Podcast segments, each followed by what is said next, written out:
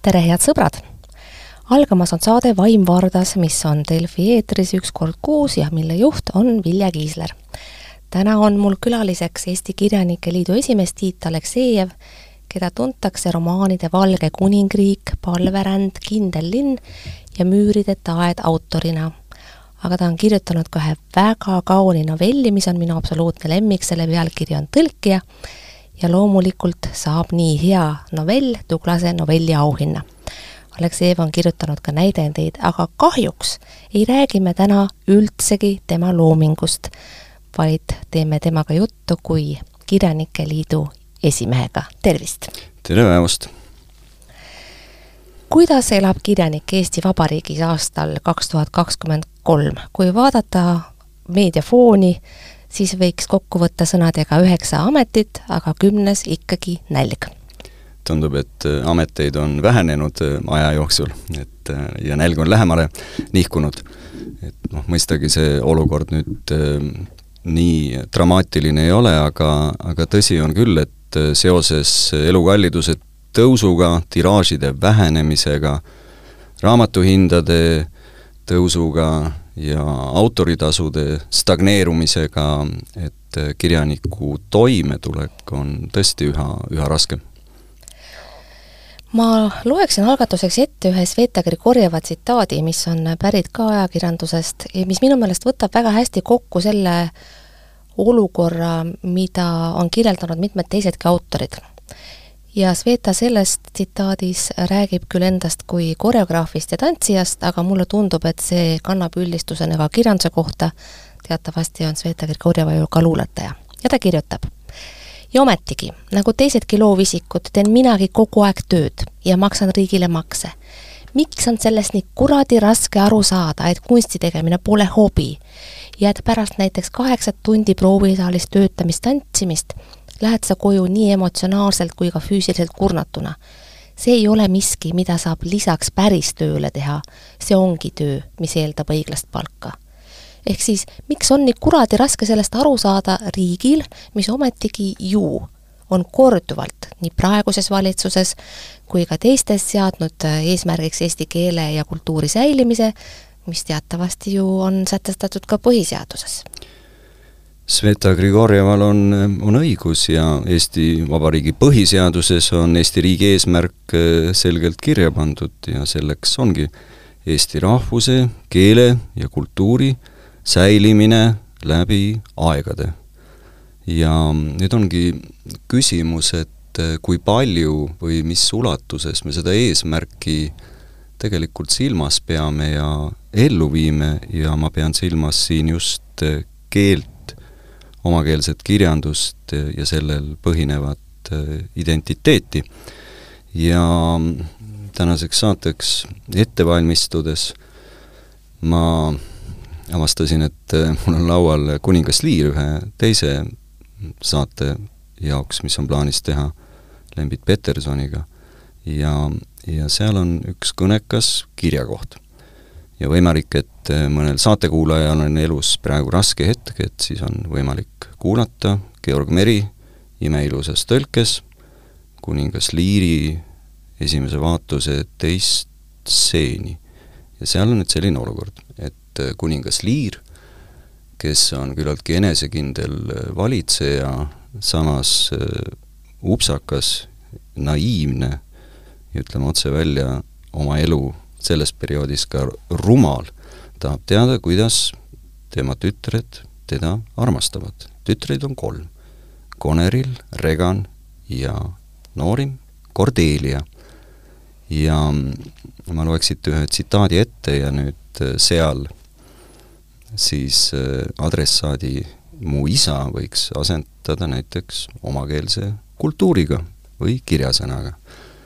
ja tsitaat siis Georg Meri imeilusas tõlkes Konerili vastus kuningas Liirile, kuidas ta teda ikkagi armastab.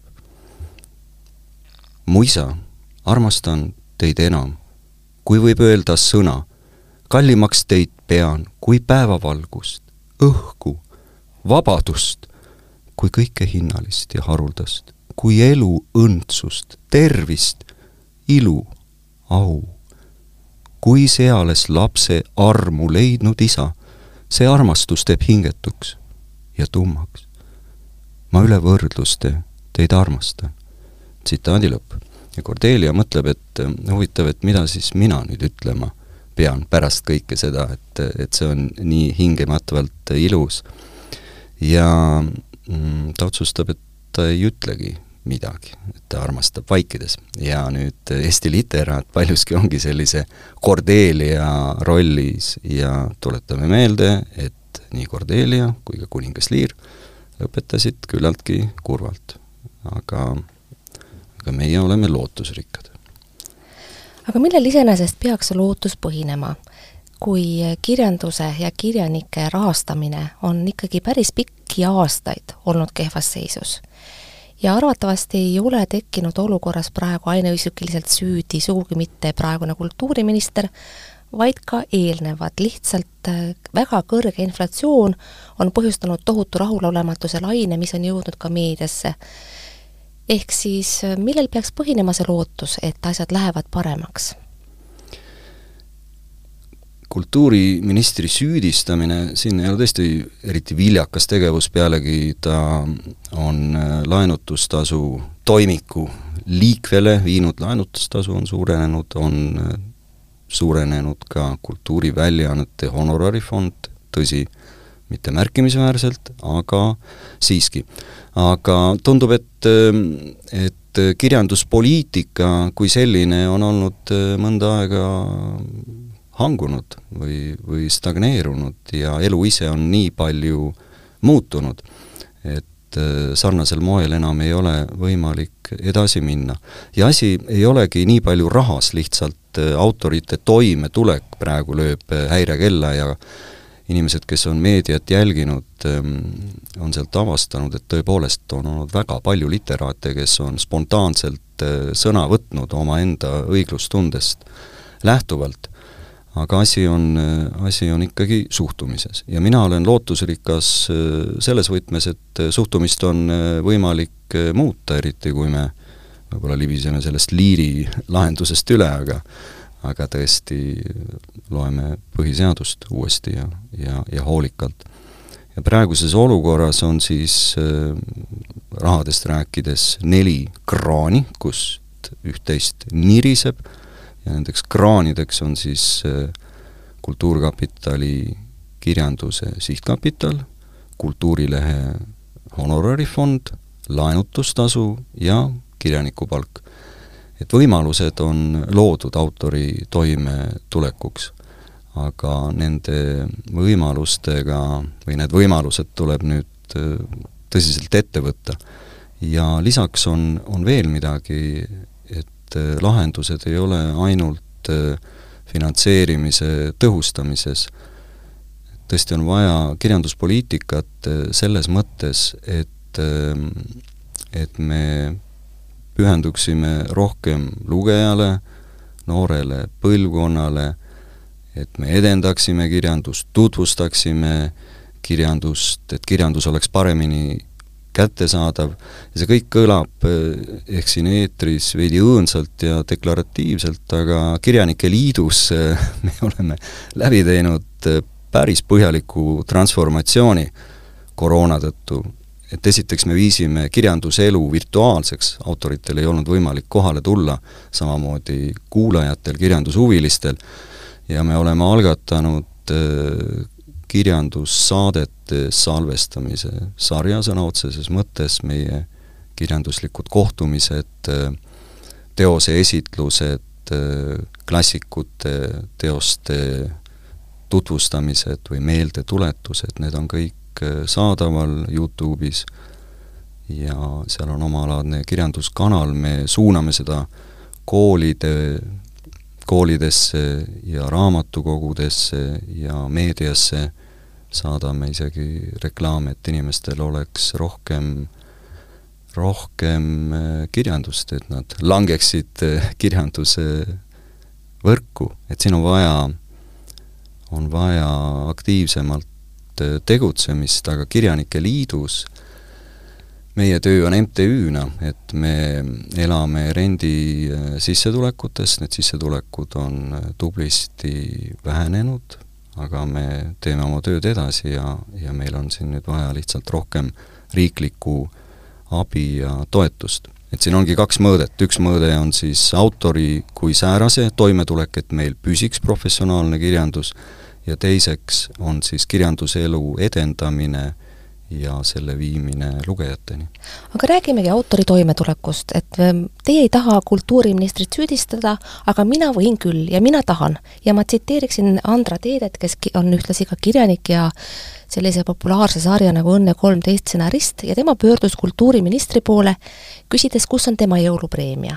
ja ta, see küsimus oli väga kohane, sest parasjagu Kultuuriministeerium ainsana ministeeriumitest oli maksnud päris suurt jõulupreemiat, kaks tuhat viissada eurot ja natukene peale keskmiselt. mitte ükski teine ministeerium ei teinud seda, seal olid tulemustasud ja muud säärased.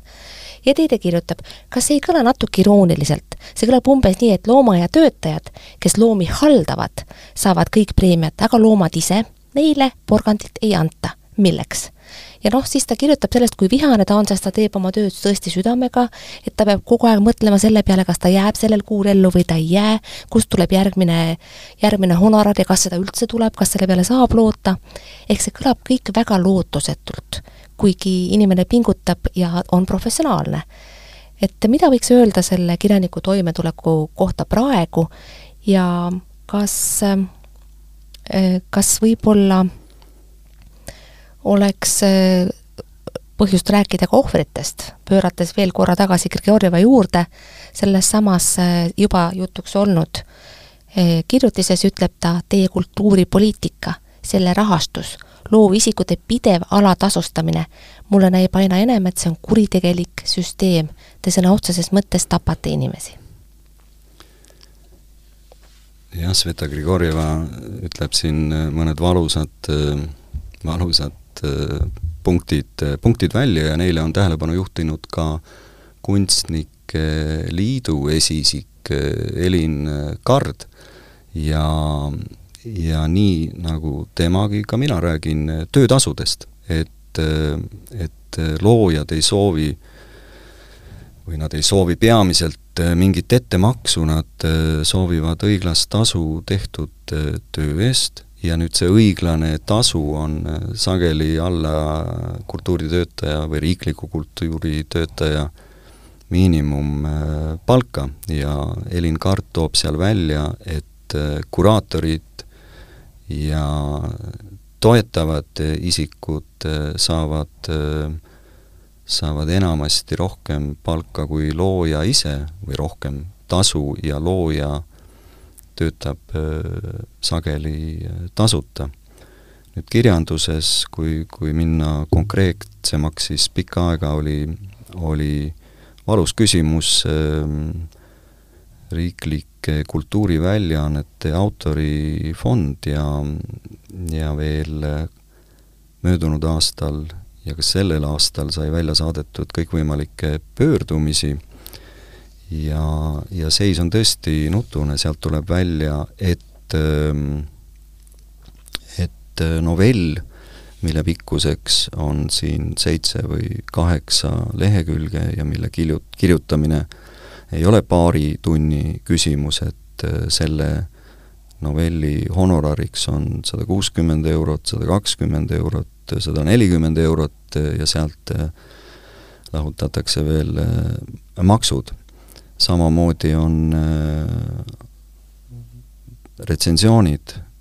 kirjandusarvustused, et ähm, kui me mõtleme, et ühe autori poogna pikkuse novelli kirjutamine võtab kirjanikul aega vähemalt kuu aega, siis raamatu arvustus nõuab vähemalt äh, kolm-neli päeva, minimaalselt ehk kakskümmend neli töötundi, selleks tuleb läbi lugeda umbes kolmsada lehekülge ja see lugemiskogemus tuleb vormistada siis kahe-kolmeleheküljeliseks äh, arvustuseks, sellele liitub siis varasem lugemus ja, ja varasem töö tekstidega. Ja nüüd, kui see kõik viia tunnitasule, siis selgub, et tulemus on tundideks lahutatuna alla minimaaltunnitasu ja autorifond paraneb kahe tuhande kahekümne kolmandal aastal sihtasutus Kultuurileht ja konkreetselt tema tegevjuht taotles nelisada kuuskümmend tuhat eurot, kui ma õigesti mäletan, saadi kakssada tuhat eurot, et see olukord ei ole enam trööstitu, aga siiski, siiski, siiski, et nüüd Kirjanike Liidu eesmärk on äh, tagada, et Eestis oleks äh, elukutseline kirjanikkond, et oleksid professionaalsed literaadid, kes söandaksid äh, vähemalt mõelda sellele, et nad pühenduksid kirjandusele täies mahus. aga mm, selles olukorras, kus me oleme, võimalik, et, et need professionaalid, vähemalt teoreetiliselt, ongi need viisteist kirjanikupalga retsipienti, et neile on loodud võimalus professionaalseks kirjutamiseks. et seda olukorda tuleb, tuleb muuta ja, ja lahendused on siin, on siin äh, olemas, et lahendusteni võib-olla jõuaksime kõige lõpus, aga ma kasutaksin praegu ebaviisakalt juhust ja vaataksin ka teie rahakotti, nagu ma tavaliselt alati oma saatekülalistega teen.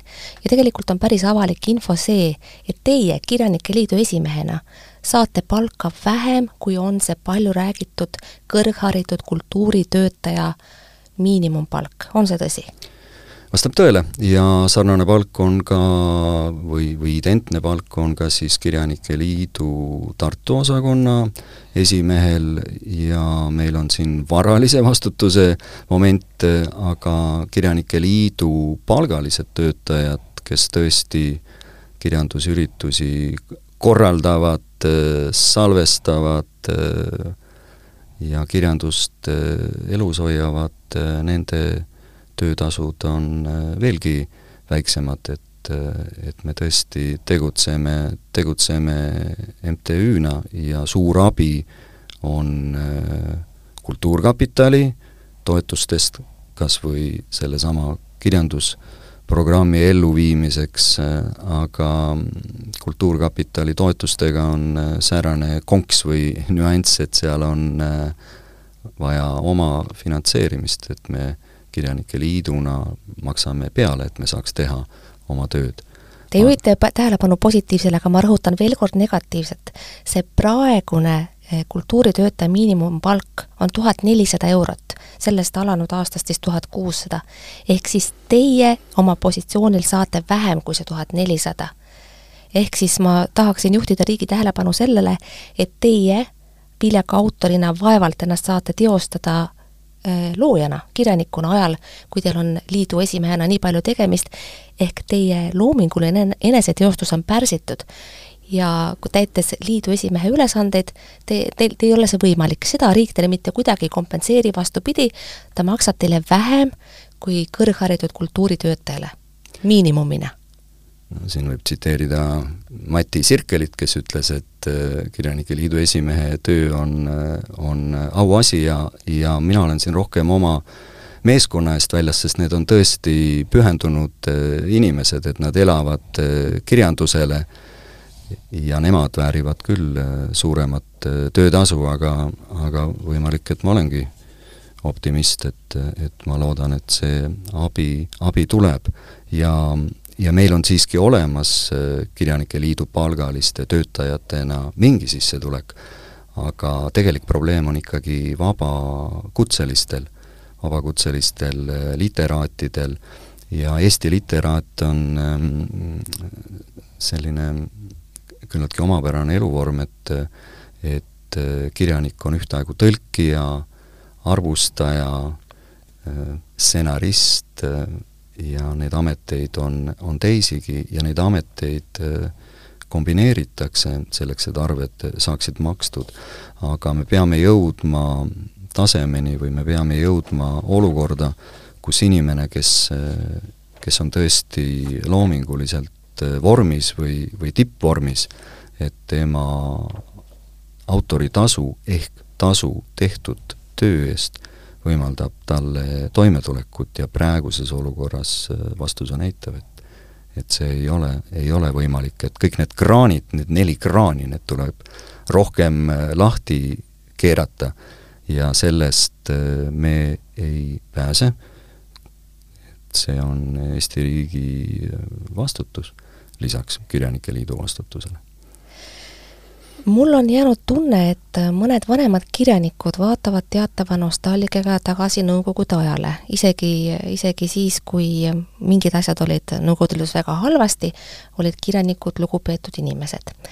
ja mulle läks väga südamesse see, mis ütles, mida, see, mida ütles Mihkel Mutt saates kirjandusministri juures, ta rääkis, et tema jaoks olid kõige paremad ajad seitsmekümnendatel kuni üheksakümnendatel, sest kirjanikud olid siis kuulsad, ta põhjendas seda, et kirjanik oli teatavas mõttes nagu vabadusvõitleja ja kõik, mis kirjanik kirjutas ja mida ei avaldatud, projitseerus siis poliitilisele tasandile.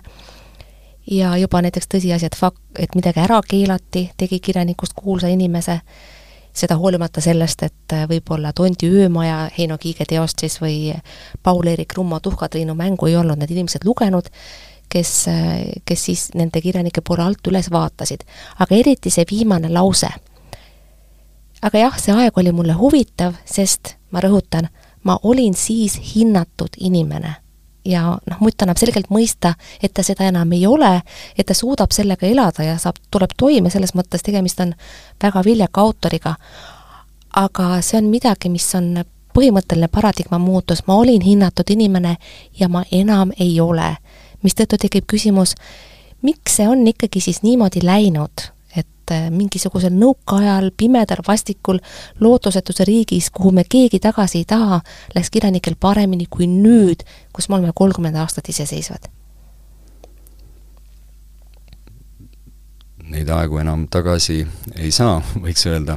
aga siin on äh, tõepoolest äh, vastuolu, et, et et kirjaniku roll ühiskonnas oli toona teine ja kultuur kui selline on samuti tublisti äh, muutunud ja eesmärk ei ole ju minna tagasi endistesse aegadesse, see ei olegi võimalik ja, ja ka neil aegadel ma huvi pärast uurisin veidi äh, Kirjanike Liidu juubeliga seoses, et, äh, et kuidas ikkagi oli nõukogudeaegsete hiigeltiraažidega äh, ja kirjaniku äh, staatuse ja toimetulekuga ja tõepoolest äh, trükiarvud olid äh, suured, aga seal oli ka aastatepikkune ootamine selleks, et et teos ilmuks ja, ja asi ei olnud ainuüksi tsensuuris. kirjastusi oli vähe, autoreid oli kas just palju, vähem kui praegu, aga äh, aga teinekord autorid ootasid aastaid, et nende teos trükki pääseks, et see raamatuna, raamatuna ilmuks. et Eesti kirjanduse kvaliteet ei ole minu hinnangul muutunud või see tase ei ole langenud, kultuur ise on muutunud muutunud mitmekülgsemaks ja, ja kirjandus, Mihkel Mutt muuhulgas on ju kirjutanud suurepärase art-, artikli marginaliseerunud või marginaliseeriv, seeruv kirjandusilm ja, ja seal ta toob samamoodi need probleemid või vastuolud äh, esile.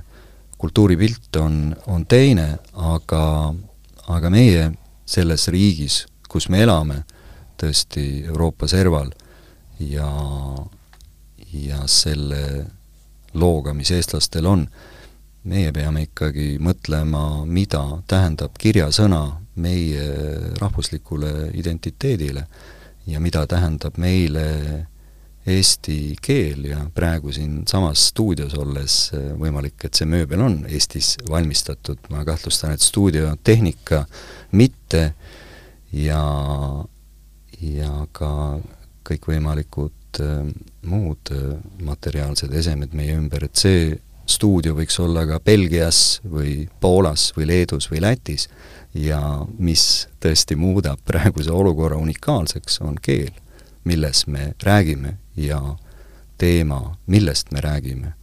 et ilma selleta me tõesti olemegi, nagu Tammsaare ütles, tolm ilmaruumis. et seda ei tohi unustada. Mihkel Mutt selles kirjutises, mille, millele te viitate, räägib ka sellest, kuidas eeldatakse justkui vaikimisi nagu peaks Eesti kirjandus konkureerima siis suurte kirjandustega, mis on täiesti ilmvõimatu, sest äh, lihtsalt ei ole nii suuri riiki, rahv-, riiki, riik, nii suurt riiki, nii suurt rahvast ja keelt, mida kõneleks võrreldavalt prantslaste või sakslastega. ja ta toob väga toreda näite äh, kujuteldavast Eesti autotööstusest, näiteks Türi Motors, mis toodab autosid, millega saab sõita ainult Eesti teedel, aga kui nad see, needsamad autod tahaksid konkureerida maailmas, siis ähm, noh, siis nad peaksid tõesti tootmagi ennast kogu maailma turule. ja noh, siis ta jõuabki järelduseni, et kodumaise autotööstuse järele pole tarvidust, aga oma kirjanduse järele on.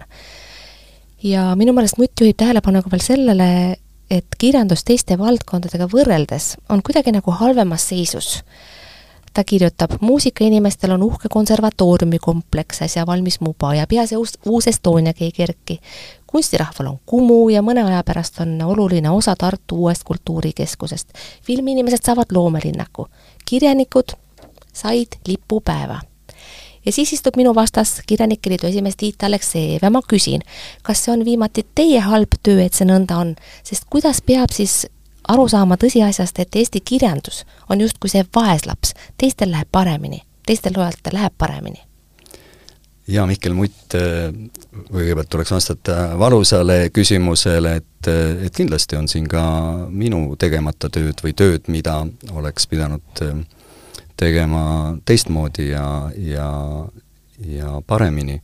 aga, aga kirjandus, kirjanduse eripära on ju selles, et kõigi teiste või paljude teiste kunstiliikidega võrreldes ei nõua ta tohutut infrastruktuuri, ta ei nõua suuri kultuuritempleid, ta ei nõua akustikat, ta ei nõua kolmemõõtmelist äh, trükiladu või, või jumal teab mis äh, virtuaalset peensust, et, äh, et ta nõuab loovust ja ta nõuab äh, autorit, kes, kelles on nii palju tahtejõudu ja sihikindlust, et ta seda loovust äh, rakendab. Ja Mihkel toob välja seal ka, või Mihkel Mutt toob välja seal ka selle nüansi, et võimalik, et rahastamisel ongi probleemiks see, et valdkond, mis nõuab nii palju raha või, või soovib nii palju raha, ei saa ometi olla tõsiseltvõetav. Äh, aga see valdkond on äärmiselt äh, tõsiseltvõetav just nimelt äh, kombinatsioonis keel, kirjandus, rahvas, rahva jõud, mis meist saab tulevikus, kuhu me teel oleme, ja, ja algupärane kirjandus või eestikeelne kirjasõna ju toidab ka teisi loomevaldkondi, samamoodi heliloomingut, ma pean silmas siin libretosid, ja, ja et asi ei ole ainult luules, proosas ja, ja arvustamises, asi on ju eestikeelses kirjasõnas. aga Vilja, tõesti, teil on ähm, õigus selle koha pealt, et kui ma äh, lugesin Eesti kirjanduse lipupäevast, siis äh, mul oli hea meel selle üle, jällegi võimalus, kuidas kirjandusele tähelepanu tõmmata, aga nüüd äh, Mihkel Muti kergelt iroonilise väljaütlemise valguses, siin on ka natuke sellist seitsmekümnendate ja kaheksakümnendate au tööle, au kirjandusele, Eesti kultuuri alustalale, au autorile, viime ellu kultuuripoliitilisi eesmärke. Ja meie oleme teiega põlvkonnakaaslased, et meil ilmselt äh, tekitab see teatud äh, allergiat. Ja, ja au on oluline ja kirjandusele tuleb tähelepanu tõmmata, aga autor, kes justkui peaks kõiki neid õilsaid eesmärke ellu viima, ka talle peab jääma võimalus, et ta, et ta kirjutab, et ta tuleb toime, et ta on äh, materiaalselt väärtustatud et tal on kõht täis ja riie seljas, et ta on elus. Mulle tundub, et me oleme teiega ja mitte ainult meie teiega, vaid päris paljud kirjanikud ja loojad üldse viimasel ajal selles rumalas olukorras, kus tuleks justkui riigile või siis ka avalikkusele selgitada, miks kultuuri vaja on, miks kirjandust vaja on. ja mulle meenub, et selline äh, asi juhtus ka näiteks Eesti ajakirjandusega ajal, mil võimul oli EKRE Eesti ajakirjandus pidi hakkama põhjendama, et ta ei olegi mingi kamp lollpäid ja muidusööjaid, vaid et seda on päriselt ka vaja selleks, et demokraatia püsiks ja et, et see oleks üldse võimalik. ja praegu on selles olukorras kirjandus mu meelest, kus ta peab justkui põhjendama oma, oma olemasolu, ehkki tegelikult on kirjandus ja kultuur ju midagi säärast, mis ennast põhjendama ei pea. ehk siis kuidas on see olukord tekkinud, et on hakat-, on te,, on tekkinud tarvidus rääkida millestki, mis peaks olema ammu selge, mis on enesestmõistetav ja mida ei pea seletama mingisugustele trollidele, kollidele, asjapulkadele, ülemustele, poliitikutele, aga ometi me teeme seda. Tõepoolest, et, et me teeme seda ja siin ei olegi, ei olegi teistsugust, teistsugust teed, aga mulle endale tundub, et, et seesama põhiseaduses kirja pandud eesmärk, et et kui palju tõesti me järgime seda eesmärki ja võimalik, et, et aja jooksul on need eesmärgid muutunud, võimalik, et Eesti riigi eesmärgiks on oma kodanikele turvatunde tagamine, soodne investeerimiskliima,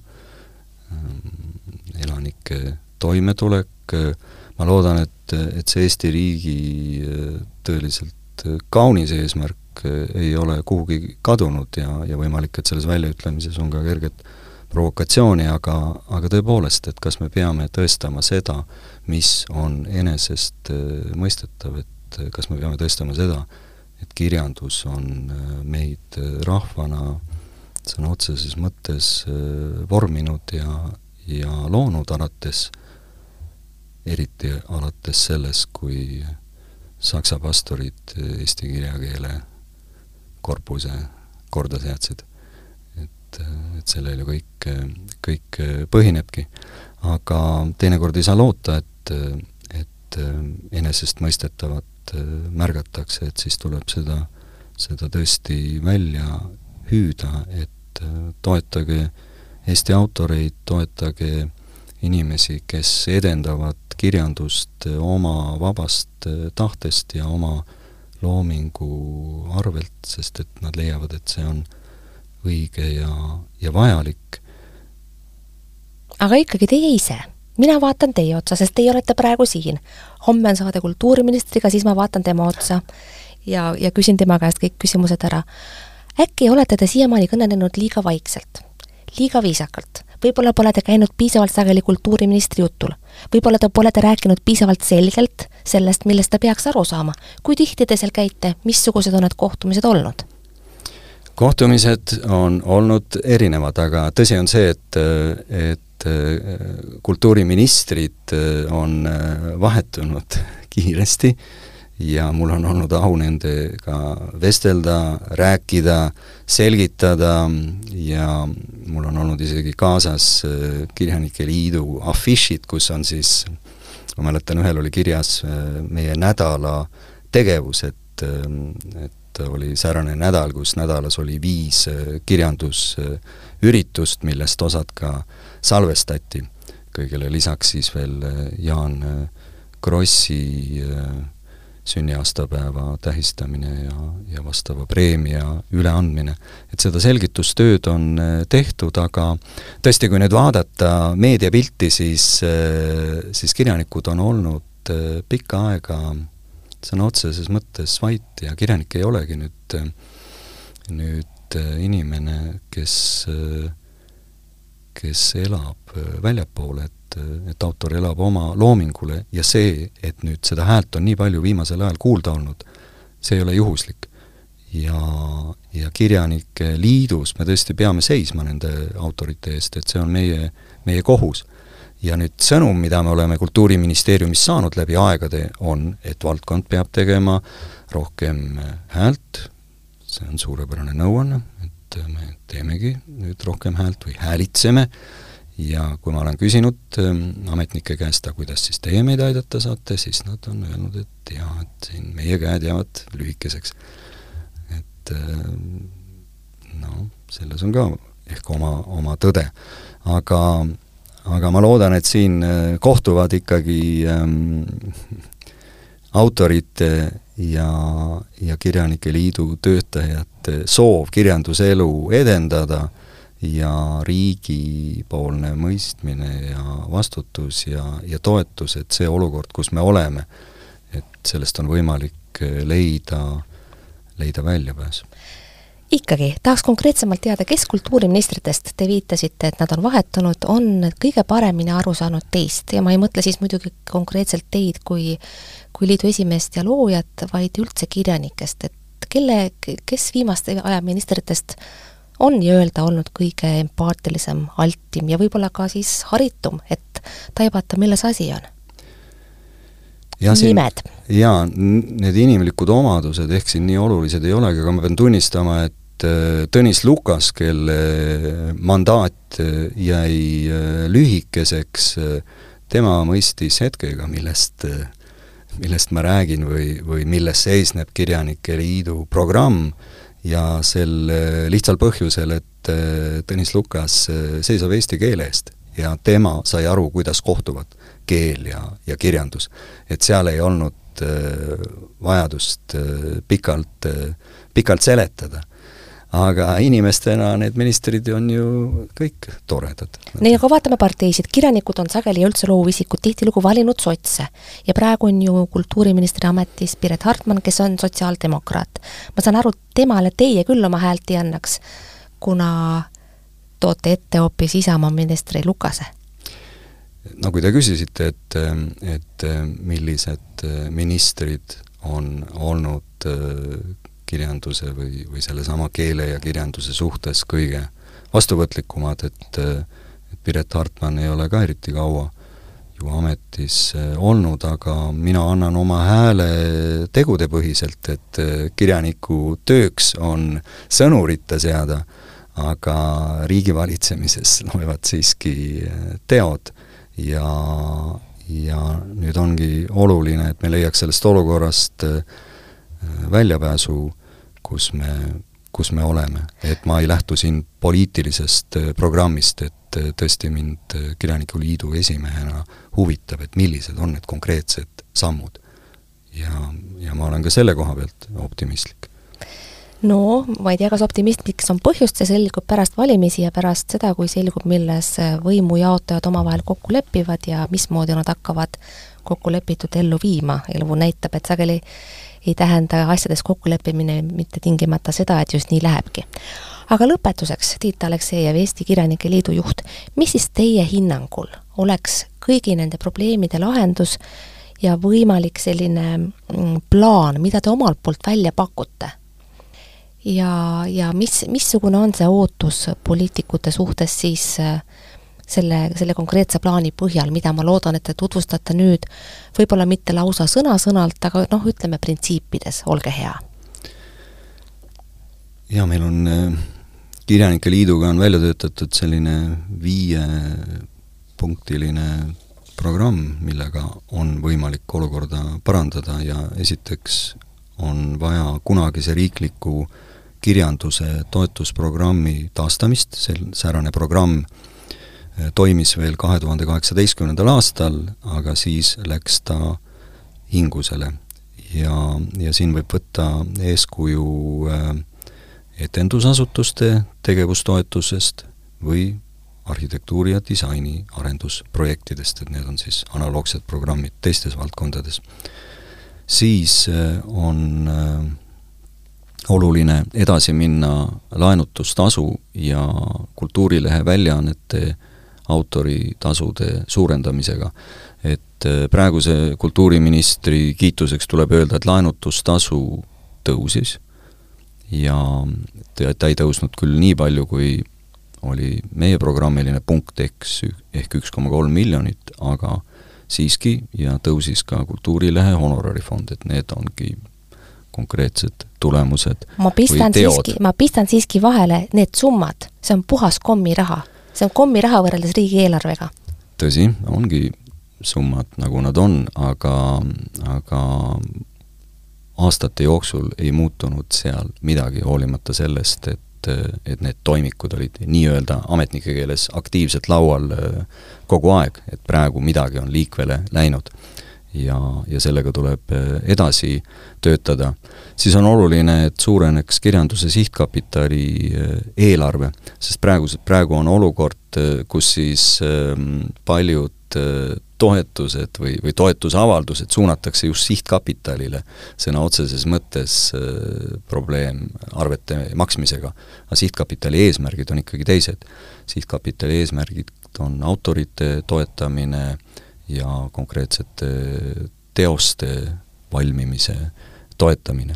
siis peab äh, laienema kirjanikupalga saajate äh, ring ja mis on oluline, et äh, Kirjanike Liit saaks riigilt tuge kirjanduselu edendamiseks, sest me viime ellu riiklikku kultuuripoliitikat. Et asi ei ole siin kuidagi loomeliidu liikmete teoste esiletõstmises või või, või, või mingite tsunfti huvide eest seismises, et meil on ikkagi laiem, laiem eesmärk. et ähm, aga veel kord tagasi tulles nende nelja kraani juurde, et kraanid on paigas, et sinna tuleb lihtsalt nüüd rohkem vett juurde anda.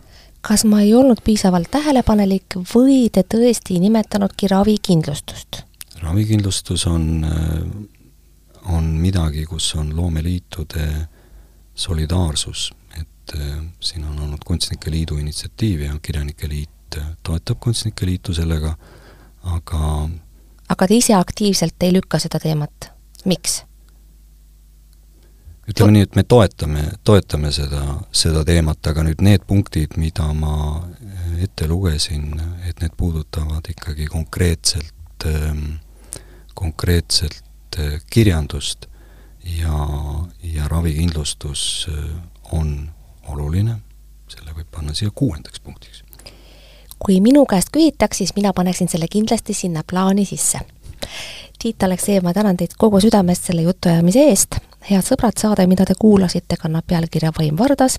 see on Delfi eetris üks kord kuus, saatejuht on Vilja Kiisler, loodetavasti ka järgmisel korral, aga saatekülaline on siis juba hoopis teine. aitäh, et te kuulasite, elage hästi, kuulmiseni ja nägemiseni! aitäh kutsumast!